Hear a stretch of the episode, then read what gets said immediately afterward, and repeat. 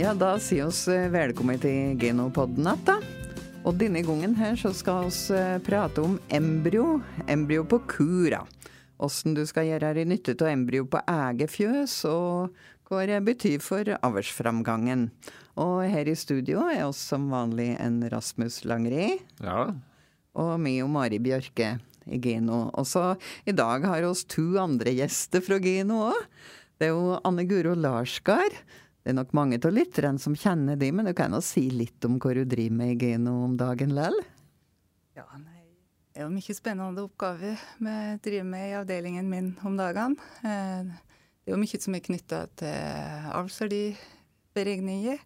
Jobber med å få enda sikrere avlsverdier på de ulike egenskapene. Og så går det jo litt på avlsplan, både den norske versjonen og den som er laga for eksportmarkedet vårt. Ja, du er sjølve fru Avlsplan.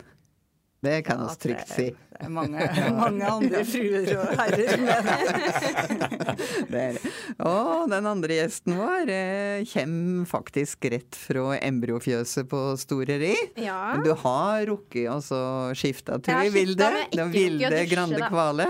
Ja. Det kjenner vi jo. Ja, ikke sant? Nei, nå sier navnet ditt feil, da. Vilde Grande Kvale, Ja jeg da, det går ja. fint. Ja. Ja.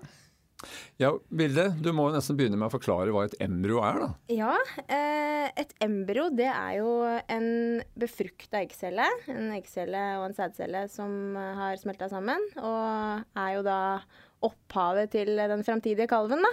Eh, og da kaller man det et embryo fram til organene begynner å danne, så du liksom har organanleggene på plass, da. Sånn Mm, så da i, i kuembryo og i menneskeembryo er omtrent likt. da, på Ja, det stadiet? Det er faktisk det, altså. Bortsett fra genen. Ja, og når jeg har sett det så tidlig på ultralyd òg, faktisk, så ser det Så tidlig så kan du ikke se forskjell på ku og menneske, nesten. Altså. Men hvordan ser det ut når du ser det i mikroskopet, liksom? Mm, Kan du beskrive litt?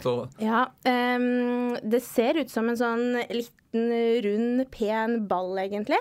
Med en sånn fin eh, Fin sone utapå, da, som vi kaller sona pellucida. Og så er det en kjerne inni som ganske raskt forandrer seg ettersom stadiet på embryoet. Og dette er en av de tingene vi titter mye på i mikroskopet for å kunne kvalitetsvurdere embryoene. Det er omtrent der det ligner på i moltebær. Ja, i starten. Og så utvikler det seg derfra til mer en sånn eh, systerlignende sak med en kjerne som da er liksom opphavet til fosteret, da. Mm. Hva du kan drive med i dag, da? Nei, i dag har vi skylt to kviger, da. Eh, og vi eh, Jeg tror vi frøs ned 25 embryo i dag, ja, fra de to kvigene, så det er veldig bra. Det er jo skikkelig bra. Og i går hadde vi, tror jeg, vi hadde rekord på antall fryste embryo. Eh, Da hadde vi fire kviger som vi skylte fra, og vi fikk fryst 64 embryo. Oi, Oi, det Så sånn. det var, eh, det var har vært en artig uke på jobb. Ja. Men så må det jo sies at det er jo ikke alltid det er sånn. Dette her er jo glansbildet. Mm. Ja, men det er bra er det uansett. Ja. Og Anne Guro, vi driver med embryo for at uh, vi driver med avl. Og, og kan du si litt om hvorfor embryo er så viktig for avlsfremgangen? Det er jo en følge av at når vi gikk over til genomisk seleksjon i avlsarbeidet, så, så har vi fått et helt nytt verktøy til å vurdere eh, både hodyr og hanndyr. Eh, de kan kjenne jo til at før måtte vi avkomstgranske, så skulle vi få sikre verdier på en okse, så måtte de gjerne ha 150 avkom. Og da kunne aldri ei kyr få.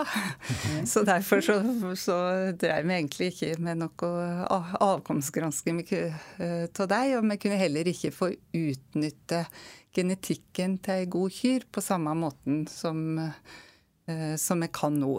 Ja, for nå tar dere en liten DNA-prøve av alle dyr ved fødsel, sant? Ja, med ve veldig mange dyr så får vi jo genotyp av de, og da har vi ganske sikre altså, verdier på de, uansett om det er okser eller kyr. Og da er vi jo ute etter å få utnytte de aller beste hodyra i landet, sånn at de kan få flere avkom, som igjen kan eh, selektere inn i avlen, enten som oksemødre i neste generasjon eller som seminokseemna. Ja. Men Anne Guro, kan du si litt om åssen du eller, vet at du driver med det å planlegge altså kombinasjoner for å, for å få den beste avlsframgangen.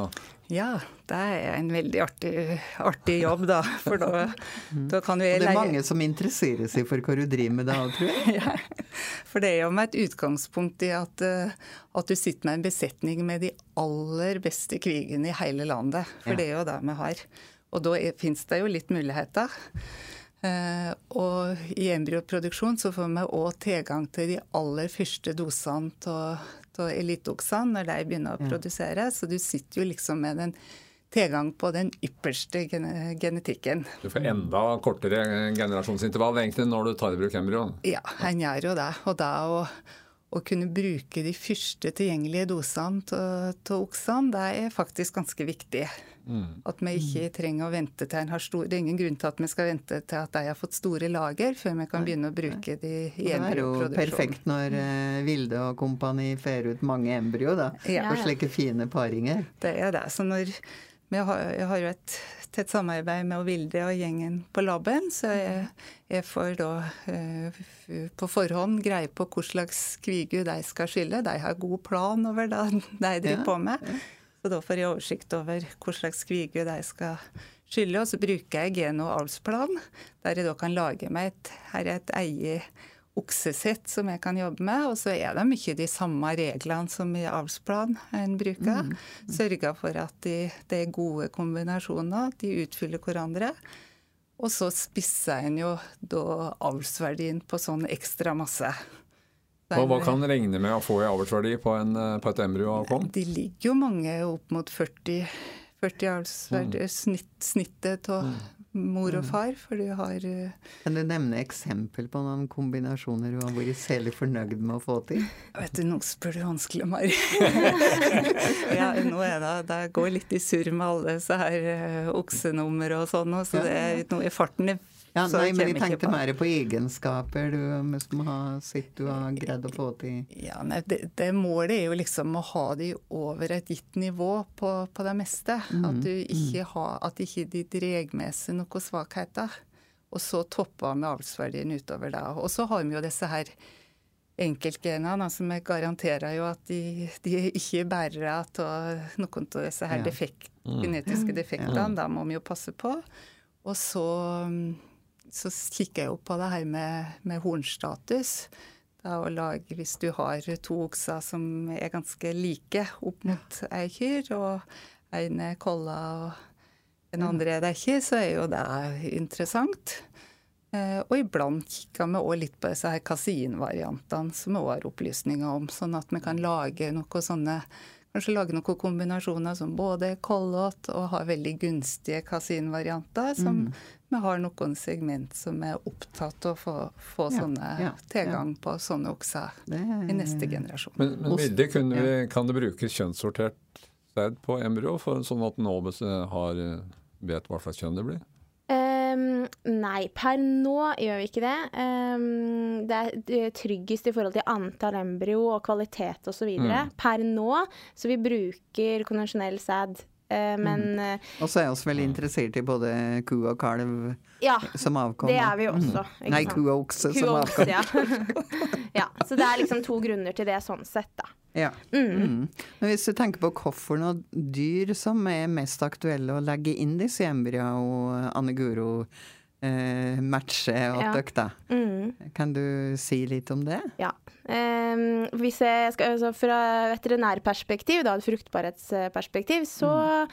så, er det jo det å finne dyr i besetninga som har en god fruktbarhet. Uh, beste resultat vil man vel få med kviger eh, som har hatt god tilvekst. Eh, friske, fine kviger, og som du gjerne har sett en brunst eller to på tidligere. Det vi kaller mm. for en referansebrunst. Det er ganske viktig for å, mm. for å få til lykkes med embryoinnlegg.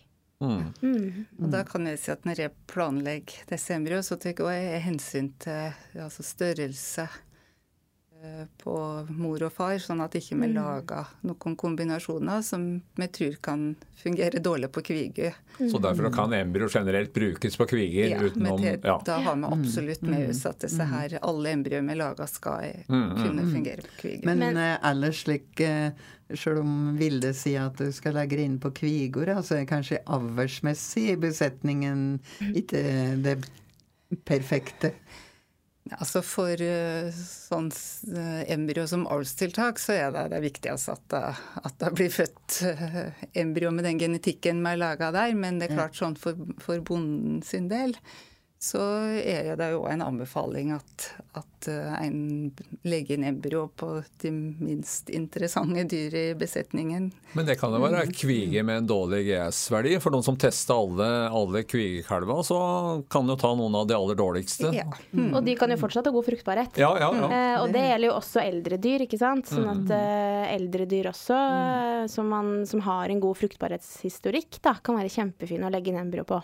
Og også hvis du f.eks f.eks. har missa på en brunst, at du har rett og slett ikke fått med deg en brunst, men så ser du at dyret blør, da, så kan man jo da faktisk legge inn da det embryoet syv ja, dager etterpå. Så du, du, sparer på en måte 14 dager i forhold til å legge inn med en vanlig inseminering igjen tre uker etterpå, da. Mm. Det er også en Men mulighet. akkurat der, eh, det er jo en ting å legge inn når kua er i naturlig brunst. Mm. Men eh, hvordan ser du det når du planlegger ja. og skal legge inn embryo i besetningen? Ja, De aller fleste av dyra som blir lagt inn på nå, eller det er vel kanskje en rundt eh, ja, um eh, rundt halvparten no, eh, som blir synkronisert. Eh, for det er også en mulighet. Særlig hvis ja, du har Synkronisert, da betyr det ja, at du bruker at du hormoner? Bruker hormoner ja. eh, for å planlegge når dyre, dyra skal komme i brunst. Ja, Får dem i brunst eh, til ønska tid. Ja, mm. sånn at du kan da legge inn F.eks. hvis eh, embryoveterinæren er et stykke unna, da, så vil jo det kunne være veldig fint at det, når embryoveterinæren først kommer,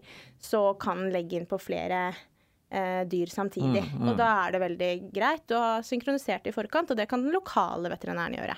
Mm, mm. Men Anne Guro, hvem er det som først og fremst vil ha størst nytte til å bruke embryo i besetningen sin? Eh, nei, det er jo hvis du raskt vil forbedre genetikken i, i besetningen din. Ja. Um, har du drive og tulle og brukt gardsokse noen år og, og, finne ut at noe, vil du opp på nivået med besetningen, i besetningen, så er det jo veldig fint å, mm, mm. å bruke embryo.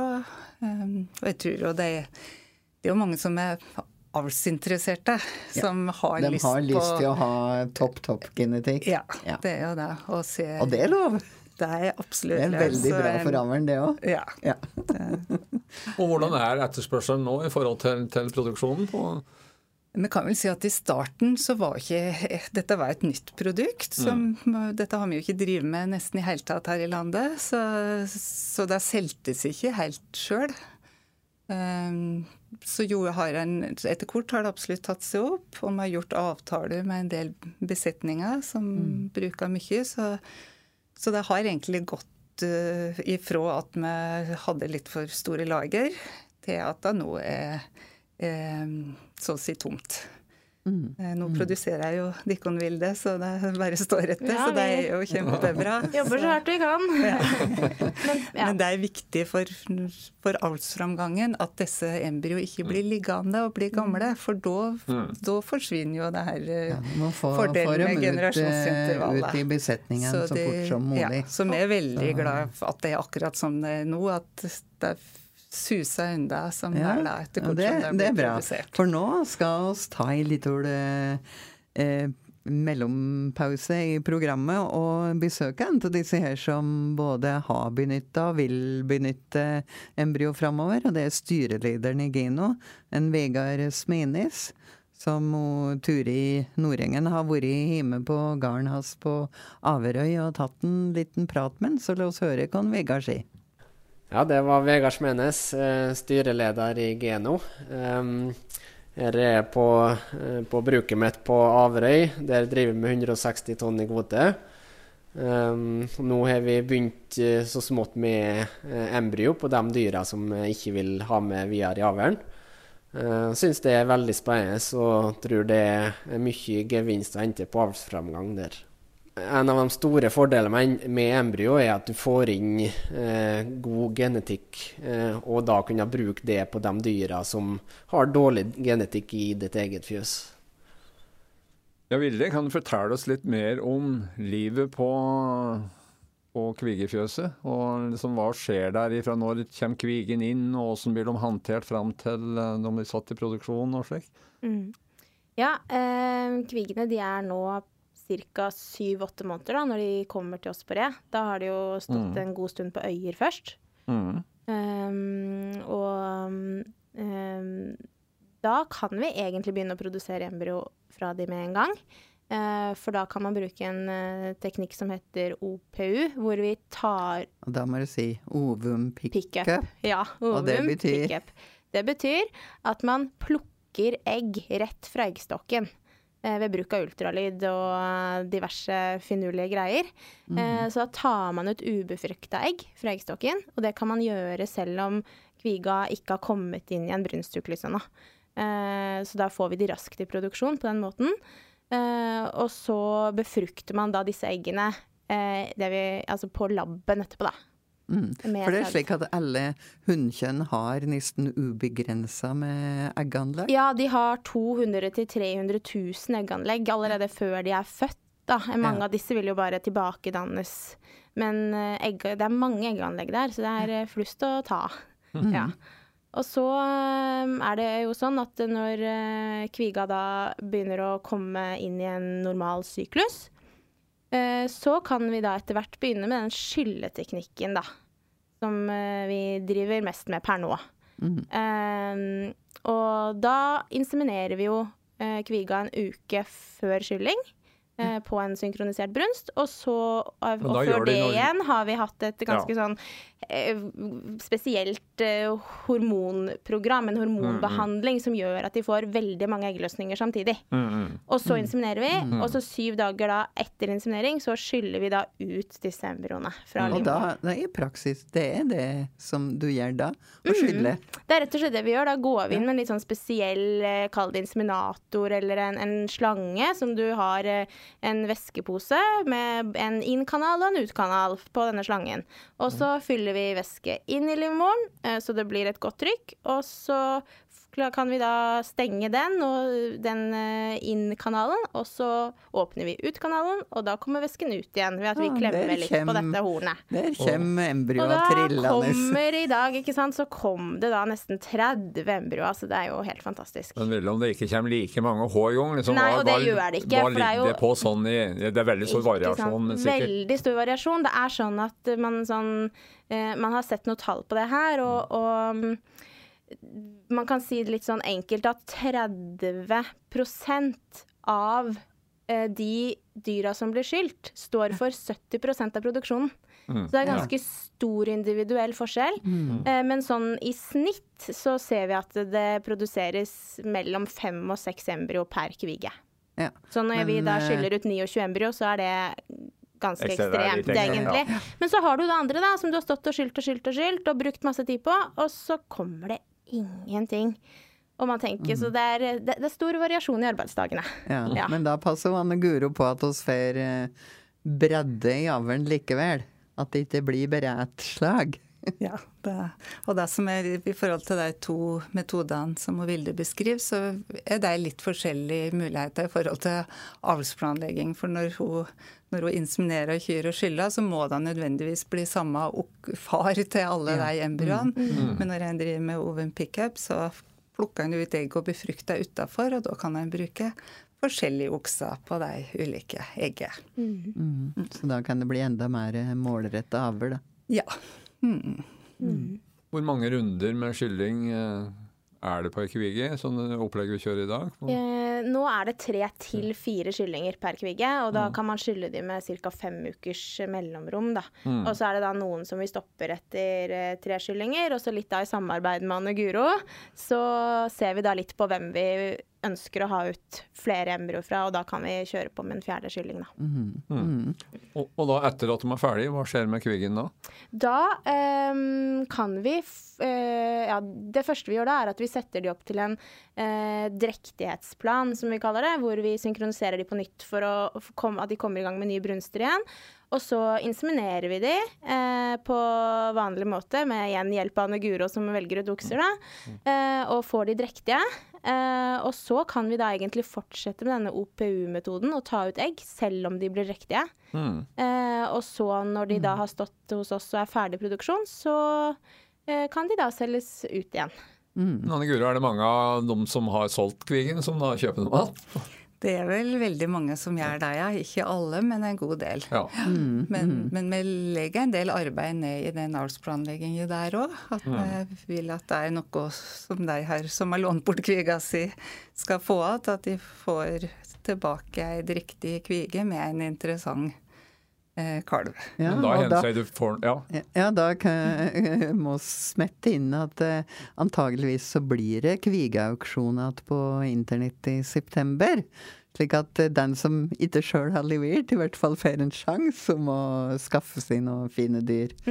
Så, men eh, hvis du tenker kunne du, Anne Guro, beskrive litt av innkjøpsstrategien på kvigeinnkjøp? Jeg tipper at de fleste av lytterne våre de kjenner til hvordan Gino kjøper inn oksekalv, men eh, Det er jo veldig likt. Ja. Det er jo veldig mm, samme tankegangen bak rekrutteringen av disse kvigekalvene. At vi, vi prøver å finne de aller beste kandidatene eh, rundt omkring i landet. Og det vi har å plukke etter da, det er jo at de har en god mor og en god far. ja. Og da Og går at- du inn i kukontrollen og kikker på alle detaljer. Ja, som har et verktøy som dermed får trukket ut de interessante kandidatene.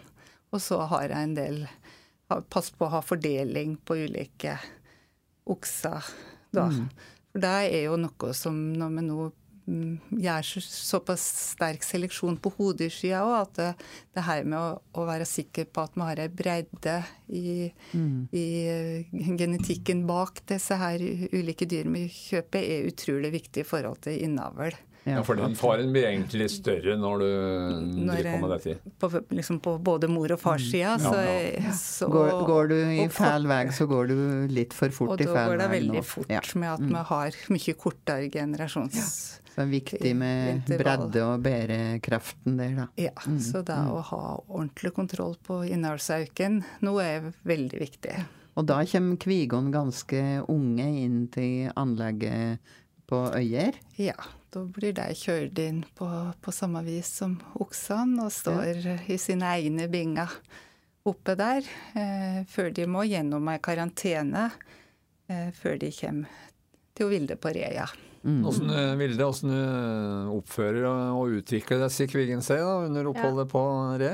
Ja, nei, det må ha gjort en eh, veldig god jobb, både produsenter i startfasen og også på Øyer, for de er eh, veldig tillitsfulle. Vi ser jo det at når de kommer til oss den første tida, så er det jo litt mer sånn hopp og sprett, og de er jo litt, alt er jo litt sånn uvant, men sånn i løpet av Litt ungdom og ja, litt, det er litt ungdomsopprør, altså. Ja. Men, eh, men så i løpet av den tida de er der, så blir de utrolig trygge og fine dyr, og de er interessert, og det er nesten så du ikke trenger å hive på noe kraftfôr for at de skal komme i fangekken en gang. Eh, Så det er eh, veldig artig. de blir trygge og godt eh, til, Ja, ja, ja. egentlig. ja. Det er absolutt. Og vi, vi koser oss med dyra på Re, så det er terapi i seg sjøl. Ja. Det høres veldig bra ut. men dere observerer brunst nå, antageligvis? Det gjør vi, og der har vi jo noen røktere som er veldig flinke eh, jeg, til å observere brunst. Og vi bruker god gammeldags eh, eh, brunstkalender, vi. Og, og skriver opp eh, brunsttegn når vi går og sjekker. Og så bruker vi jo aktivitetsmåler i tillegg, og følger med på den da, med tanke på når, når vi skal inseminere. Mm. Ja, tradisjonen tru, så eh, får alle gjester eh, her hos oss får komme med et veldig godt råd til slutt. Så nå i dag så ber vi jo om å deres aller beste råd når det gjelder bruk av embryo. Da. Og Anne Guro, du kan begynne. For det første så er det veldig viktig at eh, de som eh, vi plukker ut, mm, som jeg gjerne vil ha em- eller ha gode kviger fra, at de eh, er velvillige og vil la oss få kviga si for å produsere embryo. Det, det er jo det som er veldig viktig i forhold til artsframgangen. Og så vil jeg jo oppfordre folk til å prøve embryo i sin besetning. Mm. De har sikkert ei kyr eller kvige de kunne tenkt seg å bytte ut med noe som var bedre. Mm. Så da er embryo en fin mulighet. Og Vilde?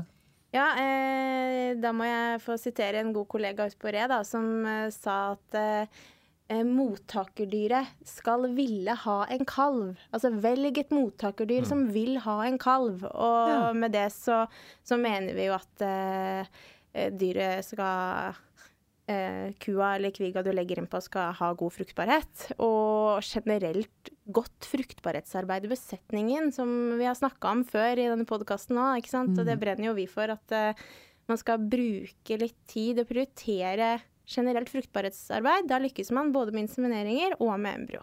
Mm. Det var gode, gode råd det til alle sammen. Da må jeg bare si tusen takk til både Vilde Granne Kvale og Anne Guro Larsgaard som var med oss i studio i dag. Og ikke minst en stor takk til lytterne våre, Rasmus. Ja da, det må ja. Og neste Genopod kommer første onsdag i neste måned. Og da er det lov å sende oss spørsmål for den som lurer på noe, eller tipse oss om ting. Og Ginopodden finner du på alle vanlige podapper, og vet du ikke hva det er, så finner du den på gino.no i hvert fall. Og, det gjør du. Ja, Første onsdagen i hver måned. Ingen måned uten Genopod. Nei, akkurat. Og da ønsker vi egentlig bare lykke til med bruk av embryo i besetningen, og ønsker alle sammen en fruktbar høst med gode drektighetsresultat.